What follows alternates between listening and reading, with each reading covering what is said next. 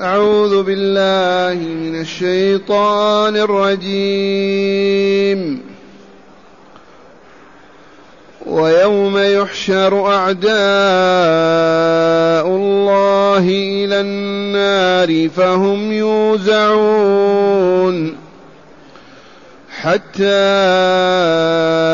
إذا ما جاءوها شهد عليهم سمعهم شهد عليهم سمعهم وأبصارهم وجلودهم بما كانوا يعملون وقالوا لجلودهم لم شهدتم علينا قالوا أنطقنا الله الذي أنطق كل شيء وهو خلقكم وهو خلقكم أول مرة وإليه ترجعون وما كنتم تستترون أن يشهد عليكم سمعكم ولا أبصاركم ولا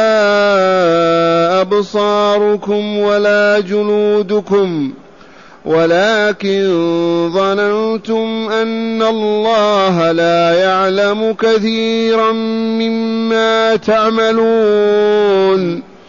وذلكم ظنكم الذي ظننتم بربكم أرداكم. أرداكم فأصبحتم من الخاسرين. فإن يصبروا فالنار مثوى لهم وإن يستعتبوا فما هم من المعتبين. أحسنت.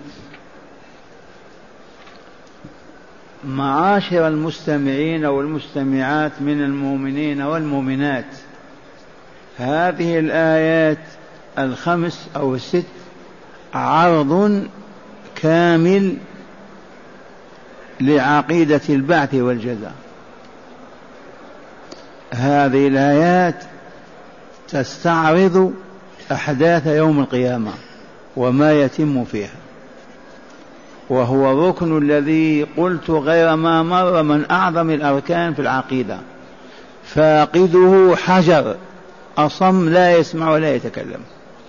المؤمن بالبعث والجزاء حي يمكنه أن يستجيب للدعاء والنداء ويفعل وينهى ويترك مفاقده شر الخلق والعياذ بالله. فهذه الآيات ست آيات كلها في عرض القيامة. اسمع ماذا قال تعالى ويوم يحشر أعداء الله إلى النار. من أعداء الله؟ ضد أوليائه. الذين يكرهون ما يحب الله ويحبون ما يكره الله. أعداء الله. الذين يحبون ما يكره الله ويكرهون ما يحب الله. هي العداوة. وهم الكافرون والمشركون والفاسقون والفاجرون. هؤلاء أعداء الله ليسوا بأوليائه ولا بأحبائه ولا بأصدقائه. إذا يوم يحشر أعداء الله من أعداء الله؟ بنو فلان وفلان. لا هم الذين يكرهون ما يحب الله ويحبون ما يكره الله. هم الذين كذبوا بما جاء به رسول الله كذبوا بلقاء الله كذبوا بألوهية الله. سواء كانوا بيضا أو كانوا صفرا أو سود أو حمراء. ما معنى حشرهم؟ جمعهم في ساحة واحدة. أليسوا يخرجون من الأرض كما يخرج النبات؟ ولما يخرجون وأجسادهم كاملة يحشرون يجمعون إلى ساحة فصل القضاء. اذكر يا رسولنا لهم يوم يحشر أعداء الله إلى النار والنار عالم كله جحيم. ما أي شعلة من النار عالم أكبر من عالمنا هذا بليون مرة. كله جحيم ليقاد إليه ويرمأ فيه. اذكر يوم يحشر أعداء الله إلى النار فهم يوزعون. الوزع هو أنهم إذا مشى الصف الأول يوقفون حتى يلحق الثاني حتى يتجمعوا جمعة واحدة. يوزعون بمعنى يجمع أولهم مع آخرهم. لأن الأولون ماشون بسرعة فيوقفون حتى يلحق الآخرون ويكون كتلة واحدة.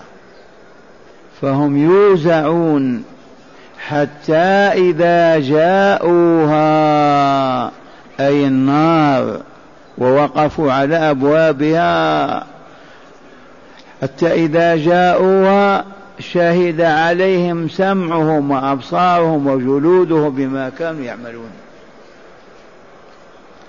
هم يطلبون من الله لما نعذب ما سبب عذابنا.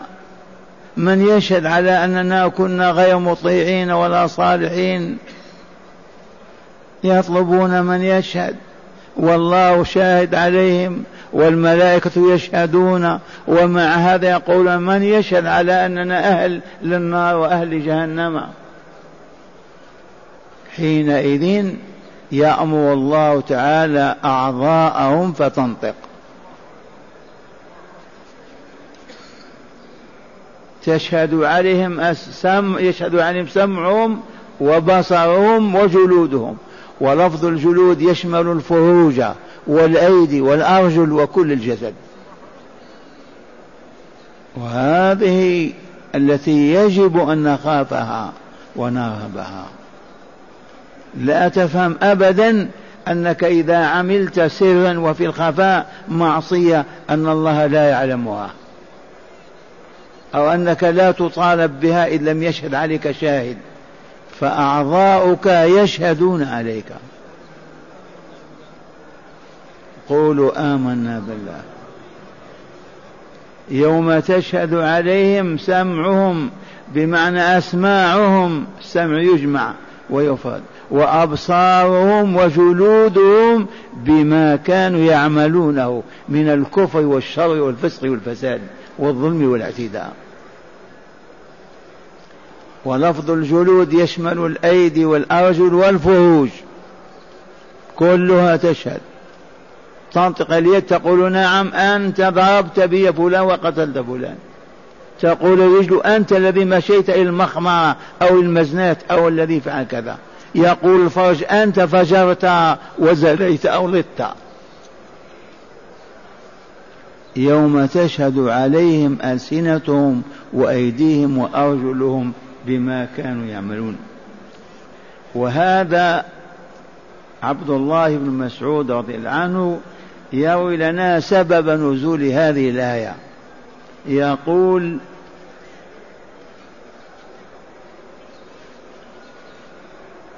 يقول رضي الله عنه كنت مستترا بأستار الكعبة المشرفة. الستار الذي عليها من القماش. فجاء ثلاثة اثنان من قريش وآخر من غير قريش. فقيل وجاء ثلاثة وآخر. قليل قل قليل فقه قلوبهم. قليل فقه قلوبهم. لا يفقهون. كثير شحم بطونهم. سمان فتكلموا بكلام لم افهمه منهم. فقال أحدهم أترون أن الله يسمع ما نقول؟ هم مستترون بالكعبة مختفون. أترون أن الله يسمع ما نقول؟ فقال الآخر يسمع إن جهرنا ولا يسمع إن أخفينا. إن جهرنا بالكلام يسمعه أخفيناه ما يسمعه. فقال الآخر إذا كان يسمع إذا جهرنا يسمع إذا أخفينا أيضا.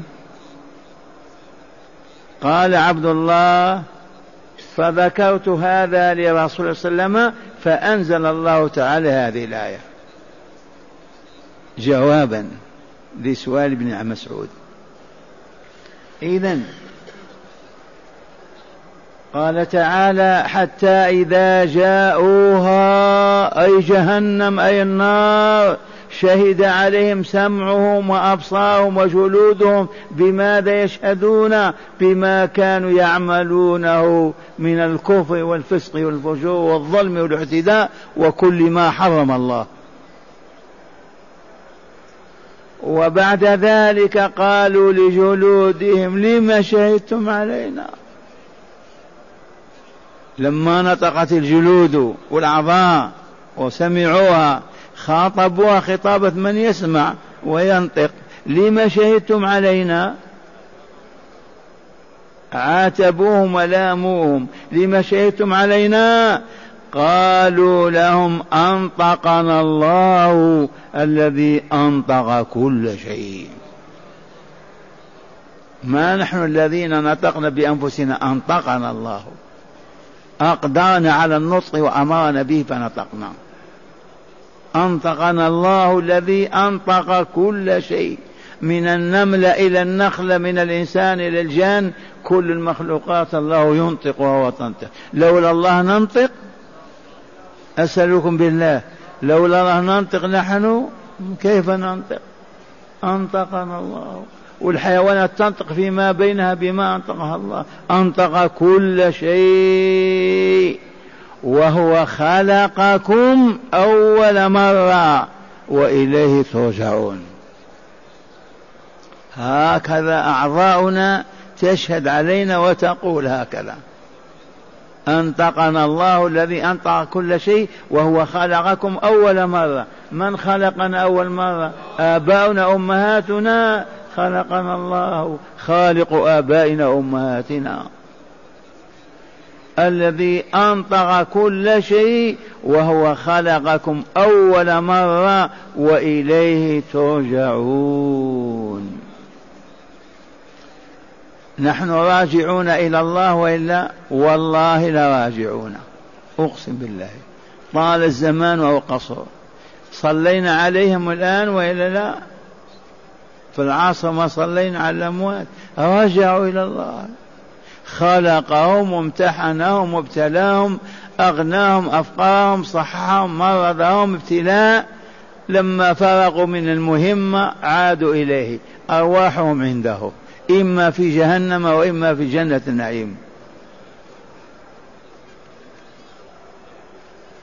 وقالوا لجلودهم لم شهدتم علينا؟ قالوا أنطقنا الله الذي أنطق كل شيء وهو خلقكم أول مرة وإليه ترجعون وقد رجعوا. وما كنتم تستترون أن يشهد عليكم سمعكم ولا أبصاركم ولا جلودكم ولكن ظننتم أن الله لا يعلم كثيرا مما تعملون. هذا يصح أن يكون قول الجلود نطقت بهذا أو قول الملائكة أو قول الله عز وجل. وما كنتم تستهزئون تختفون لما كنتم تجرمون الجرائم وترتكبون كبائر الذنوب. ما كنتم تحاولون أن تستقيوا وتختفوا بل كنتم تجاهرون بذلك. وما كنتم تستترون على أن يشهد عليكم سمعكم ولا أبصاركم. ولكن كيف يستتر الإنسان عن سمعه وبصره وجلده؟ ومعنى هذا يا معشر المستمعين والمستمعات لا نغشى ذنبا ولا نرتكب معصية. وإن كنا في خلوة لا يعلمون أحد إلا الله فإن أعضاءنا جلودنا تنطق علينا وتشهد علينا. فلهذا ما نعصي ربنا ولا نخرج عن طاعته. لا بربا ولا بزنا لا بغيبة ولا بنميمة لا بكفر ولا بشرك لا بفسق ولا بفجور أبدا. ونجاهد أنفسنا ونجاهد الشيطان ونغلبه ونقهره ولا نسمح له أن يضلنا أو يغوينا أو يوقعنا في هذه المفاسد. والشرور والعياذ بالله. وما كنتم تستترون أن يشهد عليكم سمعكم ولا أبصاركم ولا جلودكم. ولكن ظننتم أن الله لا يعلم كثير مما تعملون. هذا حالهم. كانوا يظنون هكذا. ما كانوا تحت الستار يتكلمون. هل يعلم الله كلامنا هذا إذا جهرنا أو إذا أسررنا؟ ولهذا يجب أن نخشى الله ولا نقوى على معصيته ولا نقدر عن فسق ولا فجور أبدا. ولنجاهد أنفسنا. هكذا يقول تعالى لهم وما كنتم تستترون أن يشهد عليكم سمعكم ولا أبصاركم ولا جلودكم ولكن ظننتم أن الله لا يعلم كثيرا مما تعملون وهذا ظن الجهل والفسق والفاجرون ثم قال تعالى وذلكم ظنكم الذي أرداكم وذلكم ظنكم الذي ظننتم بربكم أرداكم أهلككم. سوء ظنكم بربكم وهو أنه لا يسمعكم أو لا يرى أعمالكم أو لا يجزيكم أو لا يحاسبكم هذا هو ظنهم هو الذي أرداهم. وذلكم ظنكم الذي ظننتم بربكم. فالفسق والفجر يظنون أن الله يحاسبهم ويجزيهم ويعاقبهم أن الله يرى ما هم عليه أبدا ما يظنون هذا. فهذا الظن بأن الله لا يعلم حالهم ولا يعرف ما هم عليه ولا يحاسبهم ولا يجزيهم على عملهم هذا الظن هو الذي أوقعهم في الهلاك. ذلكم ظنكم الذي ظننتم بربكم أرداكم أي أهلككم. الرداء الهلاك والدمار. فأصبحتم الآن من الخاسرين وهم في عرصات القيامة. في ساحة فصل القضاء أمام جهنم. فأصبحتم من الخاسرين. من هم الخاسرون؟ الذين فقدوا إبلا وغنما أو مال ودينارا أو رجال ونساء أطفال وآباء لا بين تعالى لنا الخاسرين بحق من هم؟ فقال في آيتين في كتابه قل إن الخاسرين بحق وصدق. الذين خسروا أنفسهم وأهليهم يوم القيامة. ألا ذلك هو الخسران المبين.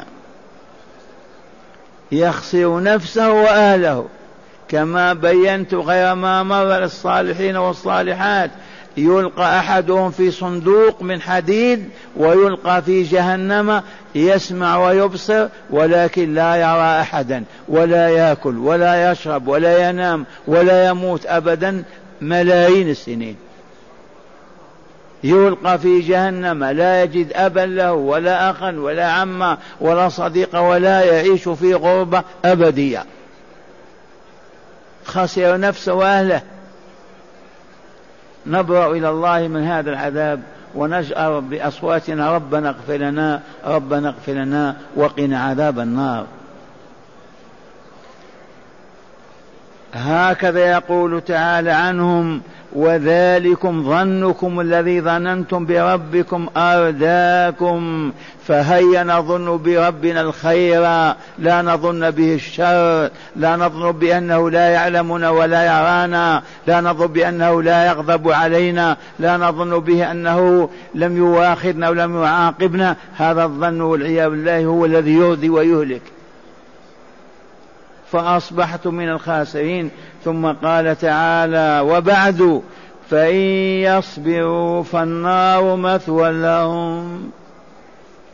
مقامهم جهنم دار سكنهم جهنم. فإن يصبروا فالنار مثوى لهم وإن يستعتبوا ويطالبون العتاب فما هم من المعتبين. يرجون أن الله يعتب عليهم لما فعلتم وفعلتم فعلتم ثم يعفو عنهم. والله ما هم بالمعتبين. ويخلدون في جهنم. نظروا إلى الله من ذلك. ونعوذ بالله من ذلك. ونسأل الله أن لا نقدم على معصية من معاصي ومعاصي رسوله. ومن زلت قدمه فباب التوبة مفتوح إلى ساعة الموت.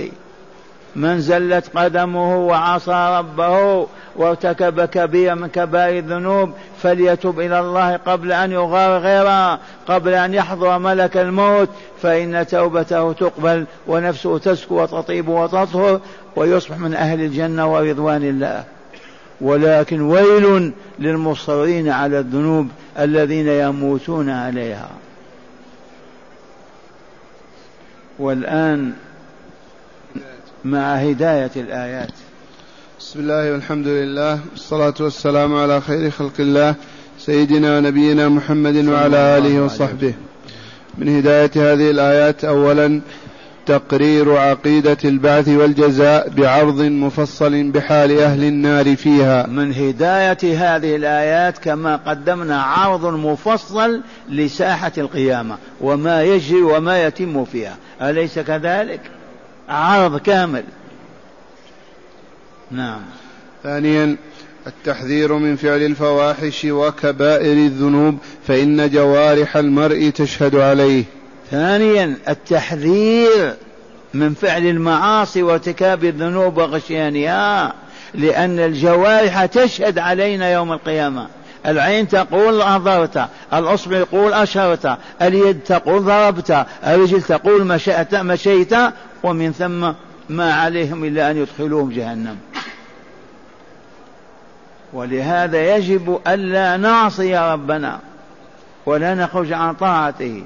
لا زنا ولا ربا ولا غش ولا خداع ولا كذب ولا ترك فريضة ولا إهمال سنة أبدا حتى يتوفانا الله صالحين. نعم. ثالثا التحذير من سوء الظن بالله تعالى ومن ذلك نعم. ومن ذلك أن يظن المرء أن الله لا يطلع عليه أو لا يعلم ما يرتكبه أو أنه لا يحاسبه أو لا يجزيه. من هداية هذه الآيات التحذير من حسن الظن في من سوء الظن في الله عز وجل وذلك أن يظن أن الله لا يراه في ذنب هذا أو لا يواخذ عليه أو لا يطالب بترك هذه العبادة. أو كذا من الظنون الفاسدة كما قال عمر رضي الله عنه. رابعا وأخيرا وجوب حسن الظن بالله تعالى وهو أن يرجو أن يغفر الله له إذا تاب من زلة زلها وأن يرجو رحمته وعفوه إذا كان في حال العجز إذا كان في حال العجز عن الطاعات ولا سيما عند العجز عن العمل للمرض والضعف كالكبر ونحوه. فيغلب فيغلب فيغلب جانب الرجاء. على جانب الخوف. من هداية هذه الآيات أيضا وجوب حسن الظن في الله تعالى وهو أنني أذنبت نحسن الظن بربي أن يقبل توبتي وأتوب إليه أن أستغفره أحسن الظن بأن يغفر لي أن أدعوه وأسأل أحسن الظن بالله أن يستجيب لي. هذا حسن الظن ضروري للمؤمن.